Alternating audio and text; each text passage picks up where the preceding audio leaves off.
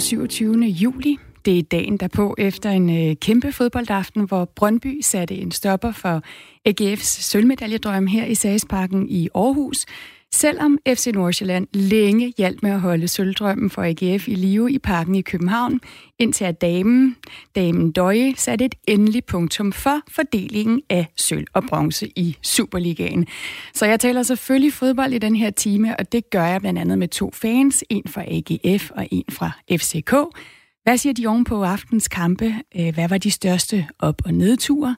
Hvad har det været for dem øh, i det hele taget i den her sæson? Men det skal ikke kun handle om fodbold. Vi skal også tale om afklædte damer, som ikke er en sjældenhed på de danske byggepladser. I hvert fald ikke de todimensionelle af slagsen tryk på en plakat. For nøgenplakaterne de, øh, de gør ikke noget godt for at lokke kvinder ind i byggebranchen. Vi tager øh, diskussionen med fagforeningen, som øh, ikke klart vil melde ud, om øh, de også vil af med de her nøgne kvinder på arbejdspladserne. Og så skal det handle om sikkerhed. Mere specifikt skal det handle om øh, cybersikkerhed og hacking. For nylig der blev Barack Obama og andre prominente personer hacket på Twitter. Og flere lande har også øh, beskyldt Rusland for at forsøge at hacke deres coronaforskning. Men hvor let er det egentlig at blive hacket? Jeg får besøg her i studiet af en såkaldt etisk hacker, som vil forsøge at hacke mig hen over morgenen. Øhm, han kommer i studiet her lidt over halv otte, og så taler jeg også senere med øh, chefen for PET's øh, cybersikkerhed om, hvor bange vi som danskere skal være for at blive hacket. Det er Radio 4 Morgen. Jeg hedder Stine Krohmann Dragsted, og jeg øh, gennemgår de vigtigste og bedste øh, historier for dig de næste to timer. Godmorgen. Og så skal jeg faktisk også lige se, om jeg overhovedet kan få tændt for knapperne her til morgen. Og nu tror jeg, det lykkes.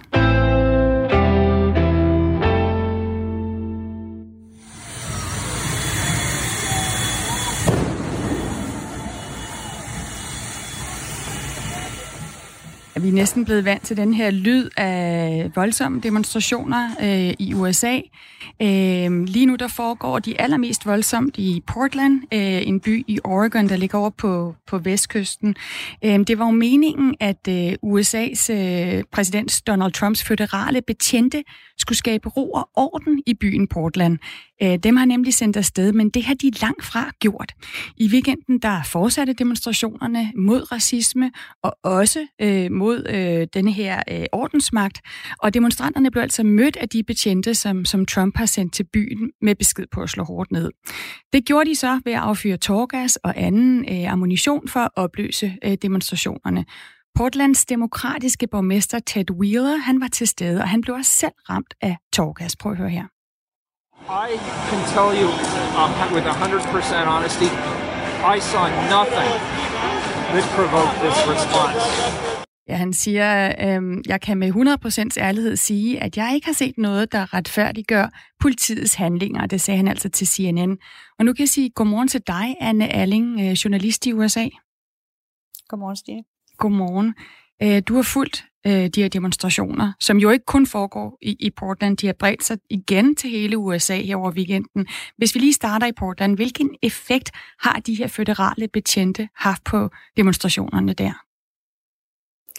De har helt sikkert øh, opildnet øh, både de, de demonstranter, der var der i forvejen, det er her til aften, er det demonstration nummer 60 i træk, altså 60 aftener i træk, at der har været demonstrationer i Portland, og de er altså nu yderligere ja, opildnet af, at, øh, at Trump han har sat de her føderale styrker ind, altså at det ikke bare er Portlands egen politi, egen sikkerhedsstyrker, som, øh, som, som står foran dem, når de demonstrerer, men altså nu også føderale tropper. Øh, så, så på den måde så har de øh, fået opbildet dem, der allerede var der, men vi har også set, at det har gjort, at der er kommet endnu flere demonstranter ud i gaden, som, som ikke var der før, men altså som nu er kommet ligesom som respons til de her føderale øh, forstærkninger. Jeg kan jo lige fortælle, første gang, at Trump han satte, satte de her føderale styrker ind, øh, var faktisk øh, i Washington D.C., hvor jeg selv var til stede i Lafayette Square. Øh, det var lige inden, at Trump selv skulle gå ud og holde sådan lov- og ordenstale, hvor han også satte den over for fredelige demonstranter. Øh, vi fandt ud af bagefter, at det så faktisk var for at rydde Lafayette Square, så han kunne komme hen foran øh, en kirke og lave og få taget et, et, et fint billede billede, og det har der været rigtig meget øh, debat om, øh, øh, den brug også af ordensmagten. Nu siger præsidenten altså, at han øh, vil sætte øh, de her føderale styrker ind øh, øh mange flere steder. Men Anne Erling, igen i Portland, altså der er et Marriott Hotel, der er blevet evakueret, fordi demonstranter mente, der boede nogle af de her federalbetjente øh, på det. Portlands eget politi, politi skriver på Twitter, at folks voldelige opførsel øh, downtown, altså nede i midtbyen, den skaber en stor fare for offentligheden. Blandt andet, der har øh, demonstranter brudt ind igennem hegnet til, til en, en domstol. Er det ikke forståeligt, at politiet må gøre, hvad de kan for at få ro på? Det er det i hvert fald øh, for, for nogen. Øh, jeg har talt med en del øh, republikanske vælgere her i området, hvor jeg er, og de øh, hilser altså alle sammen Trumps indsats velkommen. Øh, Øh, det, som, øh, som den øh, agerende chef for Homeland Security, altså ham, der ligesom st- står i spidsen for at sende dem her afsted efter Trumps ordre, men det han siger er, at, at det her det er føderale styrker, som går ind for at beskytte føderal øh, øh, hvad hedder det, ejendom. Noget af det, vi har set også i Portland, det er, at demonstranterne de har ydet herværk på, på den føderale domstol i Portland. Og det er altså noget, som, øh, som så Homeland Security og som, som justitsminister bare siger, jamen så er det også de øh, føderale styrker, øh, blandt andet Homeland Security, som skal komme ind og beskytte de her bygninger, fordi blandt andet det, som Trump også siger, de mener, at, at de lokale myndigheder, de ikke er i stand til at gøre det, og som de siger, at de kører trætte efter de her 60 dages øh, demonstrationer. Så er der så demonstranterne og rigtig mange andre amerikanere, som mener, at det her det ikke er i orden, at det simpelthen er en overskridelse af, af beføjelserne, og det er imod demonstranternes øh, ret til at, at udtrykke sig, øh, deres ytringsfrihed og deres forsamlingsfrihed. Så det er ligesom nu sådan en helt en, en essentiel diskussion af, hvad, hvad vil ytringsfrihed og forsamlingsfrihed sige, og hvor meget skal den føderale regeringen have lov til at, at bestemme, hvor meget skal de have lov til at gå ind og blande sig i, i delstatsanlægner. Øh, vi kan lige sige, at Trump jo også har sendt øh, 157 føderale agenter til, til Chicago, øh, og han har også planer om at sende styrker til andre byer, blandt andet New York. Chicagos borgmester Lori Lightfoot, som jo altså er en af de en, en, en rimelig ny, øh, hvad hedder det, sort kvindelig borgmester, hun vil heller ikke have føderale agenter i, i sin by. And I'll be darned if I'm going to let anybody, even if their name is Mr. President, bring those kind of uh, troops to our city. Ja, jeg vil ikke lade nogen som helst, heller ikke præsidenten, øh, bringe tropper ind i, i vores by. Hvorfor sender Trump alligevel agenter og betjente afsted? Jamen, situationen i Chicago, det er lidt en anden situation, end, øh, end den, vi ser i Portland. De kommer så nærmest samtidig, men, men det er lidt øh, ja, to forskellige agendaer. Øh, det, som Trump han siger, øh, at han vil op i Chicago, jamen det er sådan at gå ind om overordnet imod kriminalitet. Det har altså ikke på samme måde direkte noget at gøre med demonstrationer at gøre, men det er mere en, en aktion mod øh, den kriminalitet, som i årtier har, har, havet, øh, har havet Chicago. Og han går nu ind og siger, jamen, at han synes, han kan se, at blandt andet her den demokratiske borgmester, hun ikke har styr på sagerne i Chicago. Så derfor så øh, vil Trump nu komme ind og gå ind blandt andet mod øh, våbenkriminalitet i denne her storby. Det er noget, som, som Trump også har sagt, han vil gøre i Kansas City, og det er noget, han har sagt, han vil gøre i Albuquerque. Så der er altså to ligesom to aktioner, han har gang i sammen med sin, blandt andet sin justitsminister, øh, og det er både ligesom at rykke ind over for de her øh, specifikke demonstrationer, men så også i det hele taget at sige, at nu vil præsident Trump bekæmpe kriminalitet direkte i byer øh, landet over. Og Anne Erling, det kunne godt have noget at gøre med, at der nu er 99 dage til det amerikanske præsidentvalg, og Trump er ja, bagud i målingerne. Øh, vi har desværre ikke så meget tid tilbage, men altså, din øh, holdning til, om den her lov- og ordensstrategi kan hjælpe ham? Altså, det var i hvert fald noget, han virkelig hamrede på i 2016, og der, der gik det jo godt. Øhm, og der har indtil her i starten, af, eller i løbet af det her år, har der stille og roligt kommet en, en frustration for, for Trumps øh, for Trumps side om, at han ikke direkte havde en agenda for sin 2020-kampagne, øh, der ligesom manglede sådan et overordnet idé om, hvad det var, han ville. Og det ser altså ud til nu, at han har sat sig fast på, at det igen skal være law and order, øh, og det her er i den grad øh, et, et højt punkt på, på dagsordenen for ligesom at, at få den ja, retorik frem i sin kampagne. Det sagde øh, Anne Alling med os øh, direkte fra, fra USA, hvor hun øh, dækker blandt andet øh, de her demonstrationer, som altså igen øh, fylder øh, i billedet over, over hele øh, landet i USA og øh, splitter øh, befolkningen. Det er helt sikkert noget, vi vender tilbage til nu, hvor at øh, nedtællingen er begyndt til, til præsidentvalget i november. Nu skal det handle om noget lidt andet. Nu skal det nemlig handle om øh, afklædte kvinder, fordi på rigtig mange byggepladser i Danmark, der er væggene prydet med kalendere eller plakater med billeder af nøgne eller halvnøgne kvinder. I en rundspørg, som er lavet af fagbladet 3F, der viser det sig, at øh, 80 procent af folk i byggebranchen synes, at det er i orden med afklædte kvinder på arbejdspladsen, altså af den todimensionelle øh, trygte slags øh, på en plakat. Og 46 procent af de adspurgte siger samtidig, at der er øh, beklæd, plakater med afklædte kvinder, at de altså hænger på deres arbejdsplads. Øhm, nu kan jeg sige godmorgen til Claus von Elling.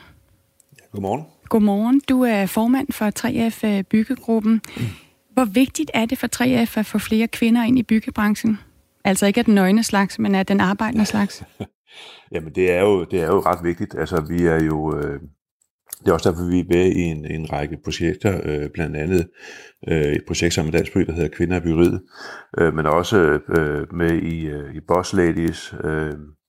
Så vi, vi er sådan set øh, med på, på, øh, på den udvikling, der er sat i gang øh, i forhold til at få flere kvinder ind i øh, byggebranchen. Øh. Øhm, jeg skal lige spørge dig, uh, Claus von Elling, om du kan skrue en lille smule op for, for din telefon, så jeg kan få på, dig helt klart øh... igennem. Ja, på din telefon. Og så sørg for, at mikrofonen ikke på nogen måde sidder og øh, rører ved din, din skjorte. Det lyder rigtig godt, ja. ja. Øhm, alligevel så siger du jo til Fagbladet 3F, at I ikke vil kræve et opgør med de her pigekalender. Hvorfor ikke det?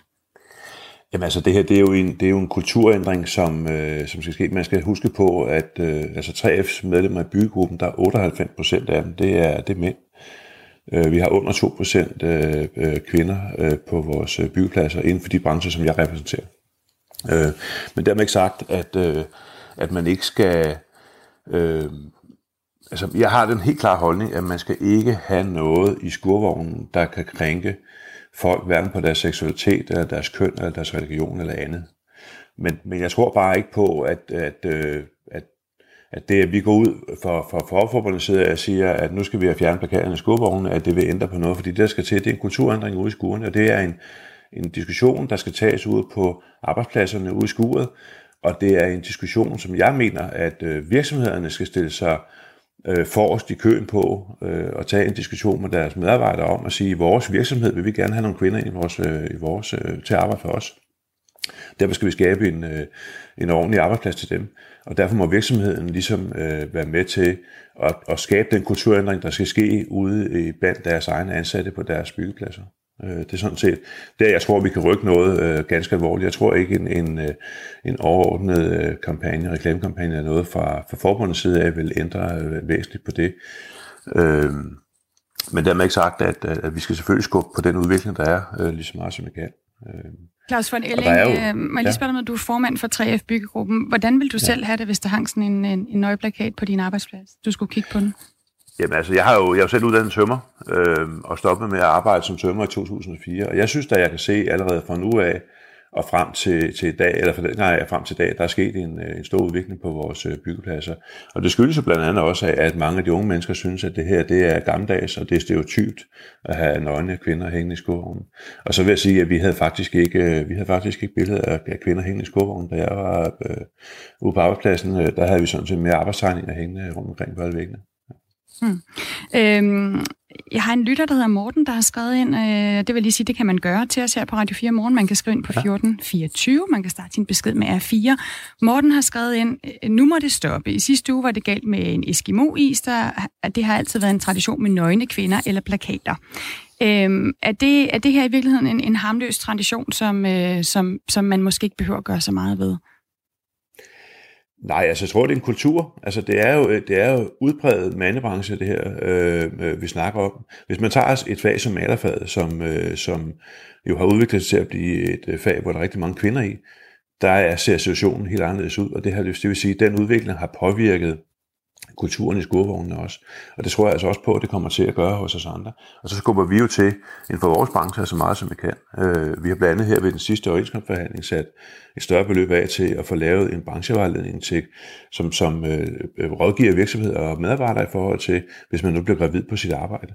Øh, fordi det har vi ikke haft byggeriet tidligere. Øh, så vi gør faktisk rigtig meget øh, for at skubbe på den her udvikling. Øh, men, men kulturændring er altså ikke noget, man kan vedtage ved lov, øh, øh, og slet ikke øh, i den øh, situation, som jeg sidder i, fordi vi kan kun henvise og retvise.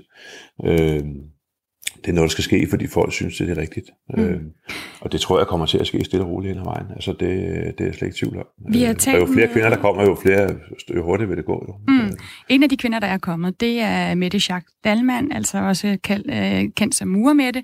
Ja. Øh, hun har i flere år engageret sig i kampen for netop at få flere øh, kvinder ind i byggebranchen, og hun mener, at plakaterne kan skræmme nogle kvinder og også nogle mænd væk fra branchen. Prøv at høre. Som sagt, så har jeg ikke noget imod, at kvinder afklæder sig, men det, jeg har noget imod, det er, at, øh, at man ikke tænker over, tror jeg, hvor, hvor, hvorfor en værdi og hvilket en symbol og et image det her øh, billede sender til, til andre mennesker. Og det er jo med til at bibeholde og forstærke en kultur, hvor et håndværker kun kan være en mand. At det altså med til at, at, ligesom at understrege det her med, hvis man er håndværker, så er man en mand. Hvorfor ikke tage et opgør med plakaterne, når det kan skræmme nogle kvinder væk fra byggebranchen?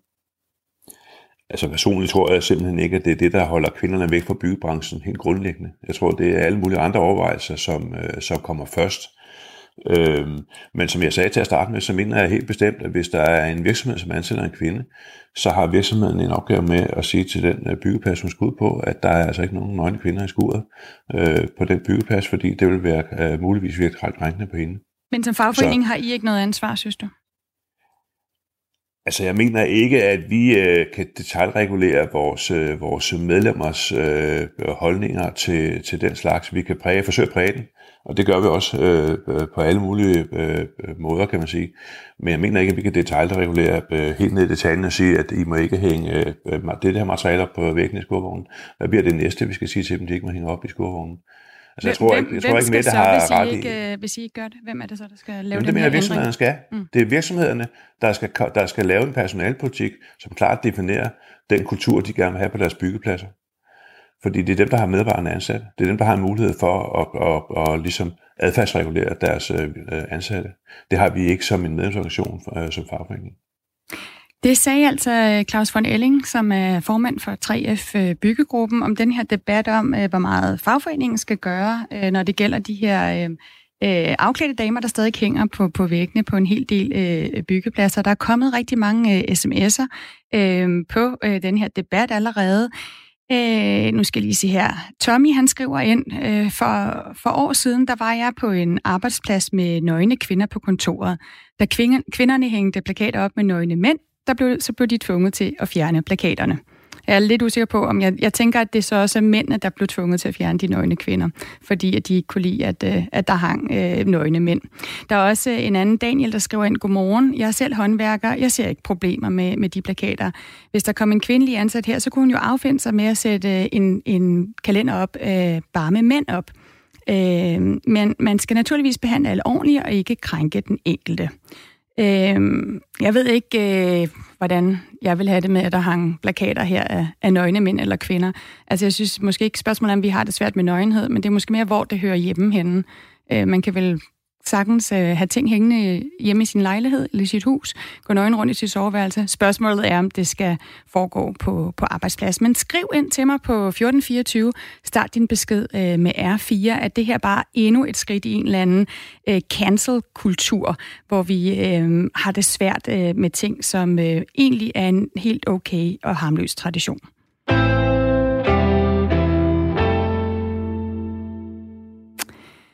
Øh, der bør være et andet ord for hudfarvet. Det øh, mener du, Rasmus øh, Mansaks. Øh, du har stillet et øh, borgerforslag med overskriften Ny officiel navngivning af farven, der kun er kendt som hudfarvet. Godmorgen. Ja, det har jeg. ja, godmorgen. Nu fik jeg også tændt for dig. Øhm, hvorfor øh, må danskere ikke længere bruge ordet hudfarve? Øh, det må de sådan set også gerne. Øh, jeg skal ikke sidde og være dommer over, hvornår øh, ordene, nogle ord bliver forbudt, og hvornår de er forældet. Øh, det her er mere sådan et alternativ til dem, der ikke har lyst til, øh, til at bruge det, som jeg synes er ved at være et lidt forældet ord om en farve. Men altså, du har stillet et forslag ikke om, at vi skal øh, have ordet hudfarvet ud af det danske sprog? Øhm, ikke lige præcis. Øhm, hvis vi lige tager, lad os lige tage den logiske del af det først, i noget af det, som jeg gerne sådan vil øh, frem til med det her borgerforslag. Øhm, hvis jeg for eksempel kommer og sagde til dig, det er godt nok en flot øjenfarvet trøje, du har på, eller sikke øh, en pæn hårfarvet nederdel, så altså, grund til, at vi jo ikke kan sige det, det er jo fordi, at øjenfarve og hårfarve har forskellige farver. Øh, og så er der det her ord, der hedder hudfarvet, som bliver brugt om en farve, og det er selvfølgelig fordi, at vi i sin tid jo var måske mere øh, hvide i Danmark, end vi er blevet her med tiden. Øh, og så synes jeg selvfølgelig, at vores sprog skal følge med. Så mit forslag er jo, at man rent faktisk kommer nu og giver den her farve, som kun har navnet hudfarve, et reelt navn, så vi ikke behøver at sige hudfarve, hudfarve og derved ekskludere nogen fra at have den farve, der hedder hudfarvet på deres hud. Øhm. Mm. Altså, hvis vi lige kigger i den danske ordbog, ja. så definerer de ordet hudfarvet sådan her, øh, citat, øh, med samme lyse farve som huden hos en typisk nordeuropæer, lys og afdæmpet beige eller ferskenfarvet. Øh, så så det her med, at der er et alternativ for hudfarvet, altså for eksempel lys og afdæmpet, be, afdæmpet beige eller ferskenfarvet, der, der står allerede to synonymer i, i, øh, i ordbogen. Øh, er det ikke nogle fine nok alternativer? Jo, men nu, nu giver den jo netop to eksempler, fordi der reelt ikke er den, altså den farve, som vi kender oftest som beskrevet som hudfarvet det er sådan, jamen, den er sådan lidt lys beige, eller også lidt ferskenfarvet, hvor den ene måske er lidt mere over i noget endnu mere rødligt, og den anden er over i noget et, lidt mere gulligt, hvor der sådan den præcise farve, som vi kender som hudfarvet, hvor folk er den så måske ikke også lidt øh, lakserosa, eller er den lidt sandfarvet. Der er ikke sådan specifikt kun noget, det, det minder jo om. Øh, og det er jo derfor, vi stadig bruger ordet hudfarvet, fordi ellers vi man jo bare sige sådan, nå, men min hudfarvet er laksefarvet.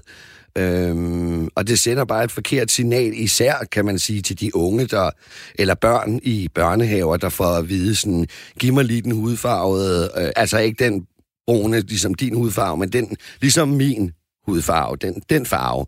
Og det, altså, jeg ved ikke, hvad det indirekte måske siger til et lille barn, der så, nu lyder det måske voldsomt, men som tænker, Nå, så er jeg jo den forkerte. Øhm, det er også en af de ting, som jeg synes, man måske burde sørge for at signalere til alle danskere, uanset hudfarve, at man jo er inkluderet i et ord. Så derfor, hvis man fandt et reelt nyt farvenavn for den, vi kender som hudfarvet, så kunne man jo sige, at alle hudfarver er hudfarvet, men det gør man jo ikke nu, fordi at hvis jeg nu siger, den brune hudfarve, som du har, den, den kalder du bare hudfarvet. Hvad, men hvad så kalder man så den, der hedder hudfarven, når nu man har givet den brune tilladelse til at Altså det, det, ja, det, er det bliver bare meget kompliceret, Rasmus ja. Mandsaks. Du er jo altså øh, med, for, med øh, forestiller det her borgerforslag om at ændre øh, hudfarvet. Ja. Øh, der er en lytter, der skriver ind her, øh, hvis vi ikke må sige hudfarvet, hvad skal vi så sige citat, en hvid mand, citat slut, og citat, en sort mand, når vi beskriver farver? Øh, nej, altså, øh, jeg har, jeg har i borgerforslaget kommet med et forslag, øh, i stedet for at bare, bare sige, vi kan kalde noget andet, jeg ved ikke hvad, øh, og i stedet for bare at sige blip, så har jeg givet et forslag til, at man kunne øh, bruge et farvenavn, der hedder kauk, som jo så er taget ud fra den... Det er jo fordi, den repræsenterer den farve, som kaukaside mennesker har. Så for ligesom at have et ord som, nå ja, men det er kauk, fordi det er jo den farve, som kaukaside mennesker har.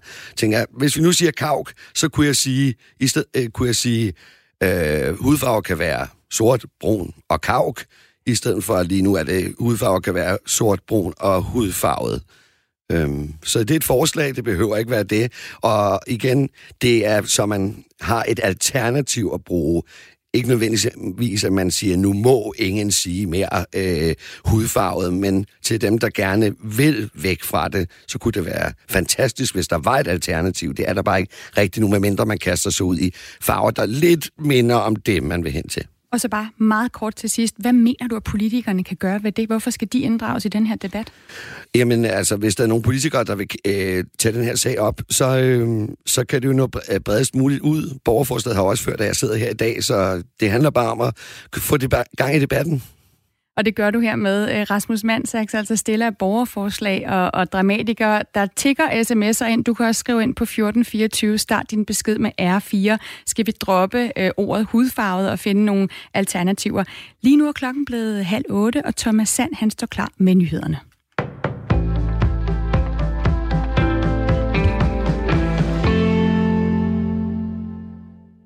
Når myndighederne i mange lande herunder Danmark udarbejder anbefalinger for coronaramte rejsedestinationer, er billedet ikke altid nuanceret nok. Det har vist sig de seneste dage med Spanien, siger overlæge ved Rigshospitalet Jens Lundgren. Fredag meddelte Norge, at alle, der vender hjem fra Spanien, skal i 10 dages karantæne, og med kort varsel indførte den britiske regering et lignende tiltag i weekenden. Det britiske påbud kommer efter, at regeringen fredag modtog de spanske smittetal for coronavirus. Ifølge Johns Hopkins Universitetet blev der fredag meldt om over 2.200 nye smittede med coronavirus i Spanien. Ifølge Statens Serum Institut ligger det aktuelle ugenlige antal sygdomstilfælde per 100.000 indbyggere for Spanien på 14,9. Det er et gennemsnit af perioden 8. juli til 21. juli. Og med så lave tal skal man ikke nødvendigvis holde sig fra Spanien, mener Jens Lundgren hvis man øh, tager til de områder i Spanien, hvor der på nuværende tidspunkt er en aktiv smittespredning, øh, så, vil det, så vil jeg overveje det. Øh, men der er til gengæld mange andre dele af Spanien, hvor der ikke er en aktiv smittespredning, øh, så der vil jeg godt turde tage hen. Danmark har forløbig ingen restriktioner i forhold til Spanienrejser, men de danske myndigheder råder folk, der rejser til regionen Aragonien, til at lade sig teste for coronavirus, når de kommer hjem til Danmark. Det skyldes, at regionen har flere end 50 nye tilfælde per 100.000 indbyggere.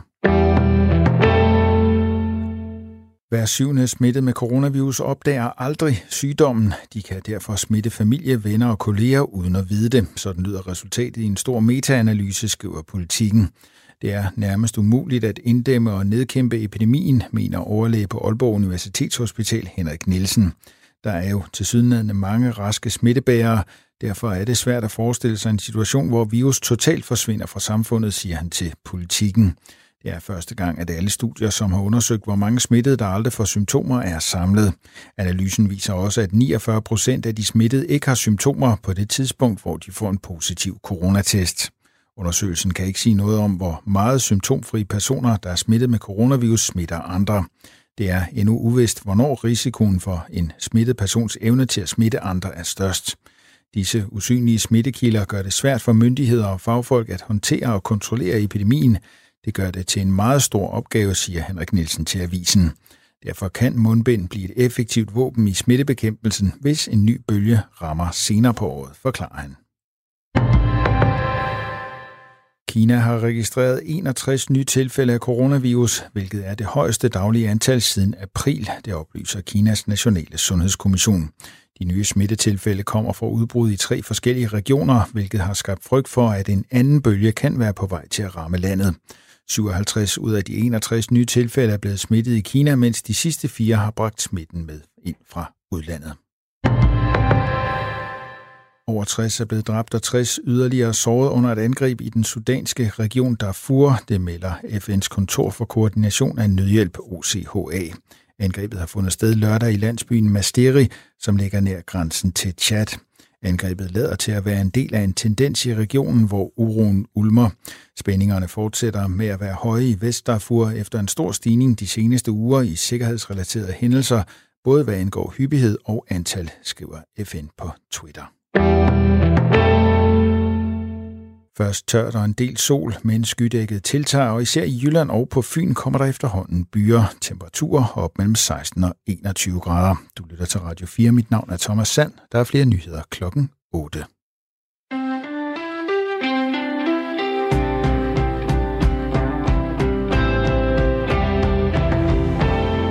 Og mit navn det er Stine Krohmann Dragsted, og jeg står her i studiet i Aarhus og sender Radio 4 morgen den næste halvanden time. Og vi har fået en masse sms'er, blandt andet på den her debat om hudfarvet, om det er et ord, som øh, er ved at være en saga blot, om vi skal finde noget andet at bruge. Der er en, der hedder John, der har skrevet ind, øh, et barn i min børnehave kaldte den omtalte farve for hudfarvet, på trods af, at hendes egen hudfarve er brun. Det er da en smule skræmmende. Og det synes jeg måske egentlig er meget interessant, fordi jeg synes, i alle de her debatter, hvor vi taler om, om vi skal lave noget om, om folk bliver krænket, så må det jo sidst ende handle om dem, der på en eller anden måde bliver påvirket af det her, mere end hvad vi andre føler og synes og gør. Altså også som måske ikke, som det ikke lige rammer. Øh, der er også rigtig mange, der har skrevet ind på det her med, om det skal være slut med nøgenplakater, øh, blandt andet i, i bygger, byggeribranchen. Øh, Bjarne Holm, han skriver ind, hej morgenradio, så rykker kommunisterne ud i skurvognen for at finde noget, som de kan blive krænket over. Byggebranchen har klaret sig i århundrede uden kvinders hjælp, og tilsvarende kan siges om jordmorbranchen, at man altid har klaret sig glimrende uden mænd. Lad dog mennesker vælge det arbejde, de har lyst til og evner at bestride. Og jeg skal lige sige, det er jo ikke os, der rykker ud i skurvogne. Det er 3F selv, der har lavet den her undersøgelse, fordi de gerne vil finde ud af, hvordan holdningen var. Blandt andet til øh, det her med at hænge nøgne kvinder op i byggebranchen. Øh, der er også en, der har skrevet ind, lad kvinderne hænge billeder op af tissemænd, så skal det nok stoppe. Og så har Markus skrevet ind, stop nu det pis der, og få hellere styr på jeres egen butik. Jeg er mandlig sygeplejerske og kommunal ansat, og jeg kan love dig for, at der hænger en hel masse billeder af nøgne mænd i de kvindelige omklædningsrum, samt i vores tøjlager. Og det er der gjort i 100 år allerede. Og vi får mandlige sygeplejersker, vi klager der heller ikke. Ligestilling går i begge retninger. Hilsen Markus. Altså, du kan skrive ind også øh, 1424. Øh, start din besked med, med R4, så får jeg den herinde. Øh, min producer Anne Ølgaard sidder og følger med. Det kan være, at vi ringer til dig, hvis øh, vi har øh, en diskussion, vi virkelig gerne vil, vil fortsætte her øh, på Radio 4 morgen. Men øh, nu skal vi videre, fordi nu skal det handle om hacking. Jeg har nemlig fået en gæst i studiet, som står og smiler sødt til mig, men jeg ved ikke helt, om jeg skal smile igen. Jeg kan godt være en lille smule nervøs ved den her gæst, fordi det skal jo simpelthen handle om hacking lige nu. Øhm, og jeg har føler lidt, at jeg sådan har blottet min egen øh, øh, nakke i det her spørgsmål. Øhm, det er jo sådan, at vi de seneste uger har set flere store, store hackerangreb. Øh, Barack Obama har prøvet det, Kanye, Kanye West har prøvet det. Øh, deres Twitter-konto blev i forrige uge hacket af, af nogle ret unge mænd på bare 20 og 19 år. Øh, Øhm, Kina har også stjålet coronadata data fra amerikanske forskere, øh, siger USA. Øh, I juni der udgav PET her i Danmark, øh, altså Center for Cybersikkerhed, de udgav en rapport, hvor de skriver, at truslen for cyberspionage og cyberkriminalitet er meget høj, og der er stor sandsynlighed for, at Danmark bliver udsat for de her cyberangreb inden for de næste to år. Det kan jo alt sammen virke en lille smule øh, diffust og, og fjern for, for den enkelte dansker. Øh, det kan være svært at forstå, hvordan det lige kan påvirke ens hverdag med den her trussel om at blive hacket. Og derfor, for at gøre lidt mere håndgribeligt, så har vi inviteret dig i studiet, øh, Kim Ilgaard. Godmorgen. Godmorgen. Godmorgen. Du skal nok lige lidt tættere på mikrofonen. Ja, på. ja sådan. Øh, du er etisk hacker, som det hedder. Det er korrekt. Kan du ikke lige starte med at forklare mig, hvad betyder det at være etisk hacker? Det betyder i sin enkleste forstand, at jeg kan lave de samme tricks, som hackerne de gør mod virksomheder, mod øh, mennesker. Det, øh, jeg bruger det så for at oplyse, jeg bruger det for at rådgive, jeg bruger det, bruger det for at hjælpe andre med at sikre sig i forhold til de her angreb. Hvad skal man gøre, øh, når man befærder sig på, på nettet? Øh, skal man trykke på links i e-mails og, og i den der dur? Så, så alle de der forskellige tricks, som i som almindelige mennesker, men også som virksomheden, de bliver udsat for, dem kan jeg også godt lave, men som sagt, så bruger jeg det kun i den gode sagstjeneste. Det er det ord etisk. Det er der, det er etisk ligger. Yes. Og, og Kim Elgaard, vi har inviteret dig øh, i studiet, fordi du er gået med til at forsøge at hacke mig, simpelthen. Øhm, jeg ligger jo ikke inde med en coronavaccine, givet det var så vel. Øhm, men, øh, men det her, det rammer jo netop ikke bare virksomheder og, og lande. Det rammer også øh, enkelte øh, mennesker. Og derfor så er du indvildet i at prøve at vise, hvor let det egentlig er at hacke folk, fordi du mener, at folk simpelthen ikke øh, tager det med cybersikkerhed alvorligt nok. Hvorfor skal jeg gå op i cybersikkerhed? I dag så er cybersikkerhed blevet til en, en økonomisk øh, byrde for, for mange. Det, det drejer sig om kroner og øre.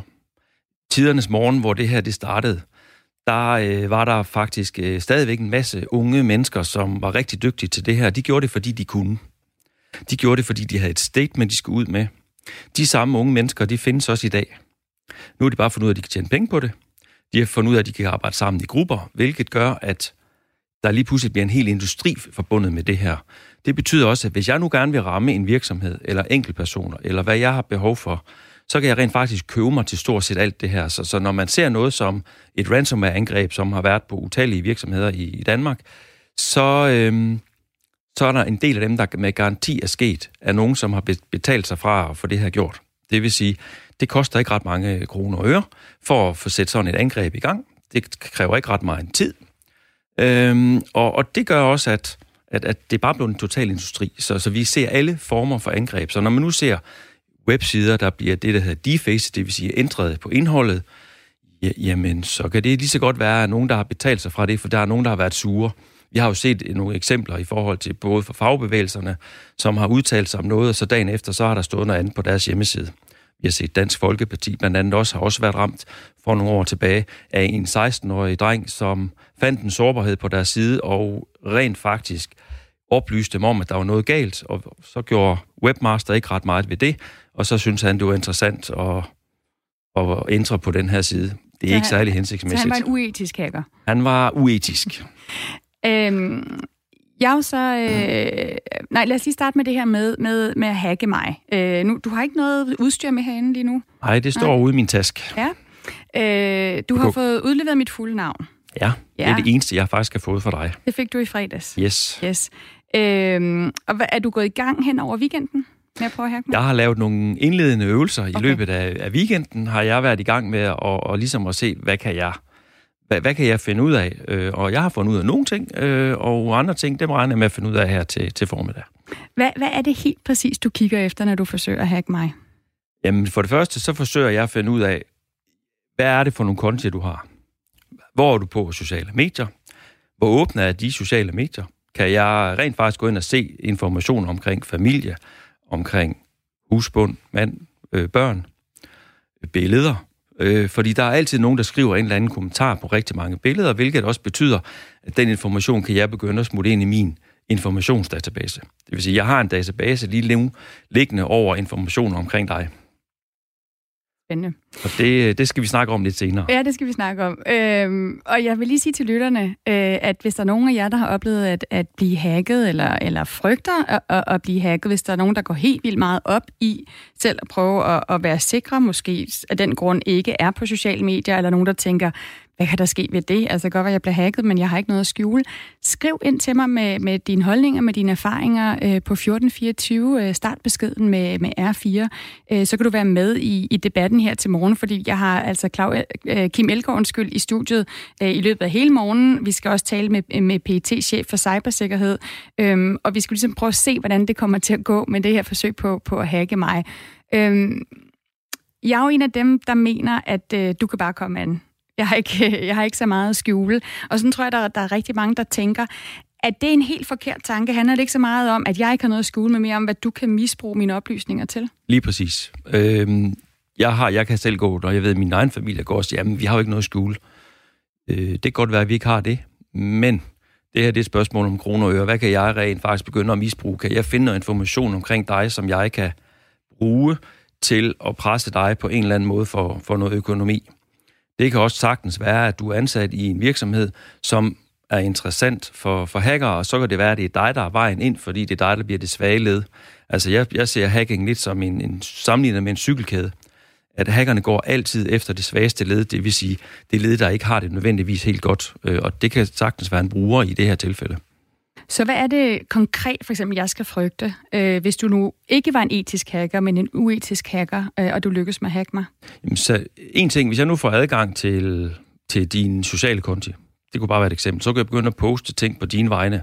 Det kunne være omkring religiøse holdninger, det kunne være politiske holdninger, som ikke nødvendigvis er noget, du har lyst til at skal frem. Hvis det er e-mail-konto, så kan jeg udgive, udgive mig fra at være dig. Det vil sige, jeg kan begynde at sende e-mails til venner og bekendte og sige, I skal være med på den her bølge. Lidt ligesom den her Twitter-angreb, der var i sidste uge. Det var jo med henblik på at skulle Øh, skulle høste, høste bitcoins, øh, og det kunne sagtens være samme nummer, vi laver her. Bitcoins er bare så meget op i tiden i dag, at det måske ikke nødvendigvis er det mest smarte at gøre, men, men det vil være nogle af de tre ting, man vil kunne. Men det kan også bare være for at finde informationer. Det kunne jo være, at man fandt ud af noget omkring sygdom eller andet, som man lige pludselig kunne begynde at misbruge på, på en eller anden måde. Øhm, Kim Elgaard, øh, forløbig øh, tak for at være med her. Øh, du er altså etisk hacker. Du, øh, du bliver ikke siddende her i studiet. Du går lige udenfor, hvor du har dit udstyr stående, øh, og så vender jeg tilbage til dig i løbet af morgenen for at se, øh, hvordan det går øh, med, med at hacke mig. Øh, og så tænker jeg, at vi lige aftaler, at hvis du finder noget virkelig kompromitterende, så tager vi den lige... Øh, så tager vi den efterfølgende. Tager vi lige efterfølgende. Ja, det gør vi. og, ikke, øh, og ikke foran alle, øh, alle lytterne.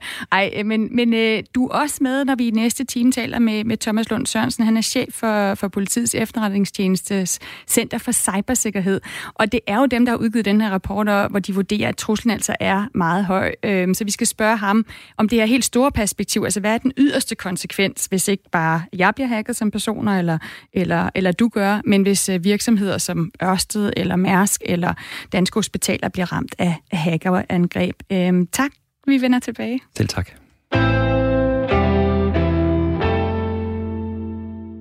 Og nu skal det handle om, øh, om fodbold, for vi laver et lille, lille skift her i studiet, øh, hvor at... Øh, nu skal lige se her. Ja, jeg skal også lige have tændt, for vi har nemlig to gæster med her. Vi har dig med, Anja Lille øh, Bajke, er det sådan, jeg siger dit navn? Ja, Bajkes. Bajkes, okay, der er et S på. Du er næstformand i AGF øh, Fanklub her i, i Aarhus. Velkommen til.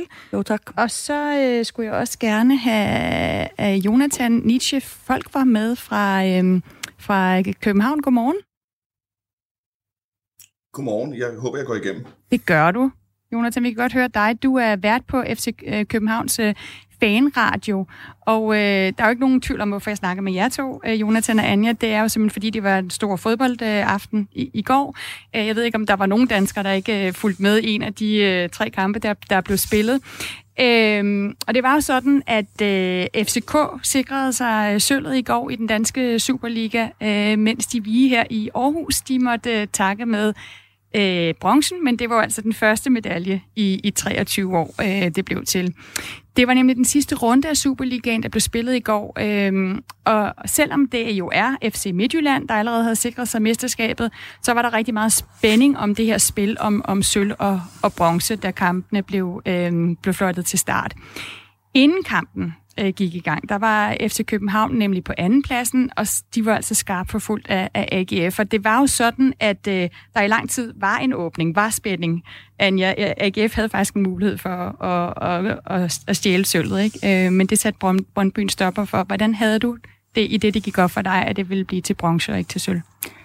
Så jeg var selvfølgelig skuffet, men et eller andet sted, så det at vinde medaljer efter 23 år, det er så stort, så øh, det tog så ikke så lang tid at komme sig over den skuffelse. For dem, der måske ikke har fulgt med, så skal jeg lige sige, at AGF tabte jo altså kamp mod Brøndby her i Sagesparken 0-1, mens FCK øh, slog FC Nordsjælland 2-1, øh, efter at øh, Damien Døja øh, slog til, øh, til til sidst og, og sikrede, at det blev en sølvmedalje. Øh, Jonathan, hvad siger du? Hvad, øh, altså, der blev stor glæde øh, på, på tribunen i parken, da, da Brøndby øh, scorede det første mål herover. Øh, var det der, I ligesom kunne lettet op? Jeg vil godt lige understrege, at der var nogen, der jublede, men der blev peget meget hurtigt fingre af dem, og så er vi mest travlt øh, med at give udtryk for, at vi ikke kan lide Brøndby øh, igennem en masse sang, fordi at, øh, det kan aldrig være noget, vi skal juble over, de scorede et mål i nogen som helst kamp. Øh, det var mest, da, da Darman Døje, som du nævnte, han kom ind til sidst, den her 35-årige klublegende og scoret et mål, selvom han knap nok kan løbe som en gammel AGF-felt. Jens Dage fik sagt efter kampen, han kan ikke løbe, men han kan score mål. Så var, så var I glade? Ja, så var vi glade. Er du, er du sunshine, vi var glade, fordi at, øh, selvom at man i FC København taber guld og ikke vinder sølv, øh, vores situation er jo lidt anderledes end den, Anne, hun så rigtig beskriver, så, øh, så er det selvfølgelig vigtigt for os, at vores spillere ikke får meget kort sommerferie, da vi har lignet nogen, der var meget, meget trætte i alt for lang tid. Øh, Anja og Jonathan, hvis I nu var, var sammen øh, her i, i studiet, altså der, det har været en hård kamp om, om sølvet her i Superligaen. Vil I øh, give hinanden hånd og sige tak for kampen? Anja først. Selvfølgelig vil vi det. Altså, No hard feelings? Nej, da. og jeg vil også sige, jeg tror i lang tid var vi glade for bare at få bronze. Øh, så lige pludselig, så gik det lige lidt stærkt, og, og med sejren i, øh, i parken, så troede vi måske, der var sølvmedaljer. Men altså, nej, selvfølgelig, vi er jo, altså, I er også mennesker, og vi forstår jo hinanden på den måde. Altså, vi har respekt for hinanden som fans. Hvad siger du, Jonathan? Nu, nu er det måske lidt lettere for dig, for I har jo fået sølvet. Hvis du nu kunne prøve at forestille dig, at det ikke var gået sådan, må du så stadig kunne, kunne øh, give Anja øh, hånden? Ja, det kan du tro, men jeg vil være absurd skuffet, fordi at det er så langt fra de målsætninger, vi som, som klub FC København har. Øh, men selvfølgelig, og jeg, jeg vil også godt her sige tillykke til Anja med, at de endte i top 3. Jeg synes, det er en, en gigantisk præstation, at AGF har leveret den her øh, sæson, så senest med den her 4-2 sejr i parken, som øh, jo er historisk, da AGF aldrig har scoret, øh, eller ikke siden 80'erne har scoret fire mål i, øh, i det, der også hed Idrætsparken i gamle dage. Så kæmpe kan du til AGF, og det, de har leveret den her sæson. Så stort tillykke, også med tredjepladsen. Jo, tak. Anja, altså AGF har jo i den her sæson overtaget Brøndbys rolle som, som første udfordrer til, til medaljerne. Øh, hvordan har det været? Det har været fantastisk. Øh, vi startede sæsonen lidt hårdt op, og jeg synes også, øh, altså starten, hvor folk lige frem efter få runder måske begyndte at tale om, ah, skal der nu komme en trænerfyring og sådan noget. Men det var jo tætte opgør. Og så fik vi heldigvis øh, altså holdt vendt det. Og så begyndte det bare at gå den rigtige vej. Og jeg må sige, da coronaen kom, det var godt nok stor nedtur i Aarhus, og jeg, har også, øh, jeg blev interviewet under den periode, hvor jeg sagde, at jeg håber virkelig ikke, vi får hvad hedder det, medaljer på et skrivebord. Fordi det er bare ikke det samme. Vi, vi skulle ligesom selv øh, vise det, altså holdet skulle vise, hvorfor vi skulle have de medaljer, og det gjorde de. Øh, Jonathan Nietzsche Folver, som vi, som vi jo har med øh, øh, på, på FCK's vegne som FCK-fan. Øh, I fik trods alt sølvet er det det øh, okay resultat for FCK? Altså man kan sige et eller andet sted, så, som du også selv siger, så, så forventes det jo, at I får mindst sølv. Øh, nej, det, altså det er det ikke, øh, og det kan være, at det lyder højrøget for mange, der måske lytter med eller, eller holder med andre klubber, men, men det er det simpelthen ikke, fordi ambitionen er at vinde alle fodboldkampe altid, og det dermed også vinde som udgangspunkt, i hvert fald vinde Superligaen. Jeg har ikke nogen idé om, vi pludselig skal vinde en europæisk turnering, men som udgangspunkt skal vi vinde alt, vi deltager i. Øh, så, så som, øh, altså nej, det, det, er, det er ikke nok. Øh, vi vil altid vinde, så, så øh, det, det er fint, at vi bliver nummer to, men det er absolut ikke godkendt. Hvad siger du, Anja, til den holdning? Er det, er det en smule højrøvet at sige, at man skal vinde, ellers er det ikke godt nok, altså vinde guld? På den ene side, ja, men på den anden side skal man også huske det budget, som FCK har i forhold til de andre klubber i Superligaen. Så kan jeg egentlig godt forstå den. Altså, nu ser vi for eksempel Bayern München, der øh, i Tyskland jo har også et noget større budget end andre klubber. De har altså vundet 8 år i streg. Og ja, det, altså som jyde, ja, så synes jeg sgu nok, der er lidt højrøvet. Men jeg kan faktisk godt forstå det, altså ud fra budget og, og spiller, spillerne. Altså hvis man sammenligner med vores trup eksempelvis. Så Øh, Jonathan Nietzsche Folk, hvad var det vigtigste, når, da I sad i går og, og, og fulgte med i, om I vandt sølv? Var det, var det det her kamp om Superligaen, eller var det det med at sikre sig, at, øh, at øh, hvad hedder det, FC København kunne gå videre, øh, uden at skulle, altså i forhold til øh, Europa-ligaen?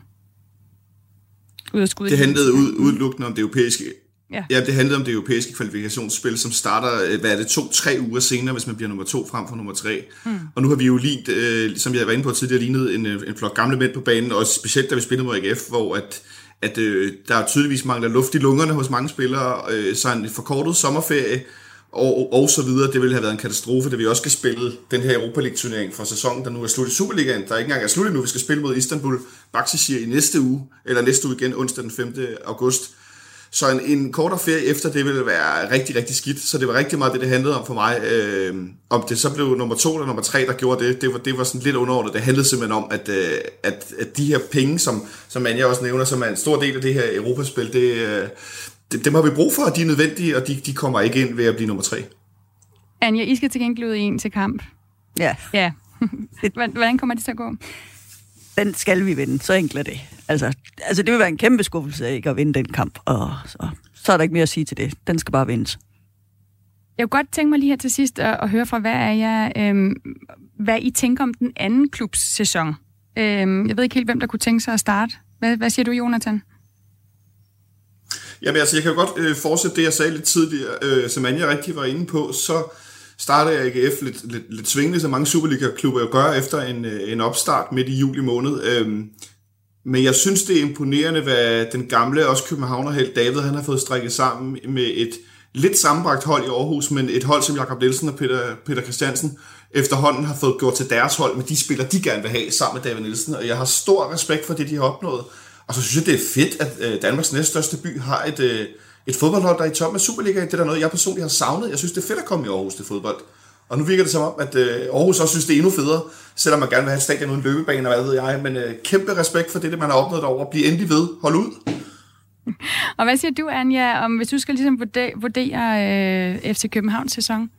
Jamen, så må jeg jo så også øh, give Jonas ret. Jeg kan godt forstå, at han er skuffet. Altså, de har simpelthen ikke leveret varen. Altså, der er også mange kampe, hvor de faktisk ikke har spillet specielt godt, synes jeg ikke. Altså, jeg ved ikke, om øh, Jonathan var på Aarhus Stadion, for eksempel. Der var det også den gode gamle Damien Døje, der var kommet tilbage fra skade, og faktisk i øh, efteråret sikrede dem sejren i en kamp, hvor AGF ja, med en spil virkelig flot fodbold ude øh, på stadion. Og det er jo nok ikke kun mig, der har haft den oplevelse som fan i Danmark, øh, at når de har mødt øh, FCK, at de har ikke været helt oppe at ringe. Det har de altså ikke i den her sæson øh, i forhold til spillere, altså materialet. Hvad siger du til den vurdering, Jonathan? Det er jo fuldstændig rigtigt. Jeg vil gerne have haft, det var også der er 14 point foran FC Midtjylland, uanset hvor gode de så måtte være. Men øh, det er et meget godt billede på, at øh, dem, der har været klar, har ikke leveret det, de skulle, og så har der været for mange af dem, der, der skulle være klar, der har været skadet, og det er noget, man skal kigge på. Kan vi blive enige om til gengæld begge to, at I var glade for, at coronaen ikke endte med at sætte en stopper for de her kampe? Ja, helt bestemt. Og det er det, der var den største frygt, øh, Jonathan? Øh, ja, det vil jeg sige, som, som Anja rigtig var inde på, altså tanken om, at vi skulle blive øh, kåret som nummer to eller nummer tre øh, via altså sådan en skrivebordsafgørelse her i løbet af foråret, den, den, den mere end der strejfede mig med, og det ville da være helt forfærdeligt. Øh, det kunne da være sjovt at pege fingre af FC Midtjylland og sige tillykke med skrivebordsmesterskabet, men ellers ville det da være noget trist og sørgeligt. Ja, de har faktisk virkelig også i den her sæson fortjent deres guldmedaljer. Altså, sådan er det til trods for, at de endte med et nederlag øh, i går. Men øh, anyway, så, så tak til jer, øh, Anja Lili Bikes. Øh, du er næstformand for AGF øh, Fanclub her i Aarhus. Tak for at være med i studiet. Og også til dig, øh, Jonathan Nietzsche Folmer, som vi havde med, øh, der er vært fra FC København, øh, øh, Københavns øh, fanradio, for lige at lave sådan en vurdering, både af kampen i går og også øh, sæson. Jeg lover, at det nok ikke bliver det sidste fodboldsnak, vi har, selvom det er noget, der, kan jeg se på sms'en, deler vandene blandt øh, vores lyttere. thank you Og nu laver vi lige et, endnu et lille skift her i studiet. Anja øh, går ud, øh, og, øh, og du kommer ind, Kim Elgaard, øh, fordi nu skal det lige, nu stopper vi med fodboldsnakken. Det kan du måske også snakke med det om. Det kan jeg sagtens Det kan du godt, om. men det er ikke det, jeg vil snakke med dig om. Jeg vil gerne snakke med dig om, om hacking. Fordi nu er du simpelthen gået i gang øh, med, at, med at prøve at, at hacke mig. Øh, lige inden vi går til øh, nyhedsudsendelsen her om, om øh, to og et halvt minut, hvordan, hvordan går det med det? Det går fremad. Det går fremad. Jeg har fundet noget information, som jeg skal se, om jeg kan få udnyttet her i løbet af den næste time. Okay. At, at det du, øh, altså, handler det simpelthen om at prøve at finde et password, så du kan komme ind, for eksempel på min Facebook-konto? Det kunne sagtens være, være det, uden at jeg vil løfte flørt for, hvad det er, jeg, jeg går efter. Men, men i rigtig mange tilfælde, så er det jo et spørgsmål om, kan jeg nu finde ud af et password til en konto af en eller anden art, så jeg kommer forholdsvis langt, fordi sandsynligheden for, at det samme password og brugernavn er blevet brugt flere steder på, på almindelige mennesker, øh, inklusive min egen familie, jamen den er ret stor. Øh, der er en lytter, der skriver ind her, hvad mener Kim om navngivningen hacking versus øh, cracking? Altså hack, hacker versus cracker? Det er same same i min verden. Altså, en cracker er jo en, der sidder og cracker password og andet, øh, hvor en hacker er en, der angriber, men man bruger cracking som en del i, i, i hackingen. Øh, Daniel skriver også ind, øh, Godmorgen, jeg har ikke øh, sociale medier, og jeg bruger stort set ikke apps. Al information om, om den enkelte har værdi, og jeg øh, brugte selv enormt meget tid øh, på PC som barn, og ved, hvor nemt det er. Er det en rigtig vurdering? Det er en ret god vurdering, og, og hvis man undgår at have sociale medier, så, øh, så er det svært at finde informationer. Øh, man kan så heller ikke helt følge med i, hvad der sker. Nej, der er jo også for mange, specielt unge, at det er jo også en del af det sociale liv, at øh, man netop deler udvekslinger, billeder, personlige oplysninger. Hvordan skal vi lave den øh, afvejning, synes du? Jamen, det er en, en meget, meget svær afvejning. Altså, nu har jeg selv en, en, en teenage-dreng, øhm, og han er rigtig glad for, for mange af de her sociale medier, og jeg tror umiddelbart, at hans generation er sådan lidt mere afslappet i forhold til tingene, hvor min generation øh, er en lille smule mere skeptisk omkring tingene, og måske godt kan have sølvpapirshatten på en gang imellem. Det bliver spændende at se, øh, hvordan det går. Du, du fortsætter jo her øh, lige om lidt, er der nyheder, og du fortsætter i næste time med at prøve at hacke mig. Vi skal også tale videre om, om øh, cybersikkerhed. Tusind tak, fordi øh, du, du vil være med til det her. Øh, jeg ved ikke, om jeg skal takke dig, Kim Elgaard, egentlig, fordi det er jo mig, der ligesom øh, øh, prøver... Altså, det, det er mit virtuelle liv, du er ved at uploade. Men øh, vi får se, hvordan det går. Du jeg er sikker på, at du øh, bliver oplyst, når vi er færdige. Jamen, det vil, jeg, det vil jeg glæde mig til. Nu er øh, klokken øh, blevet 8, og Thomas Sand han øh, står klar med nyhederne.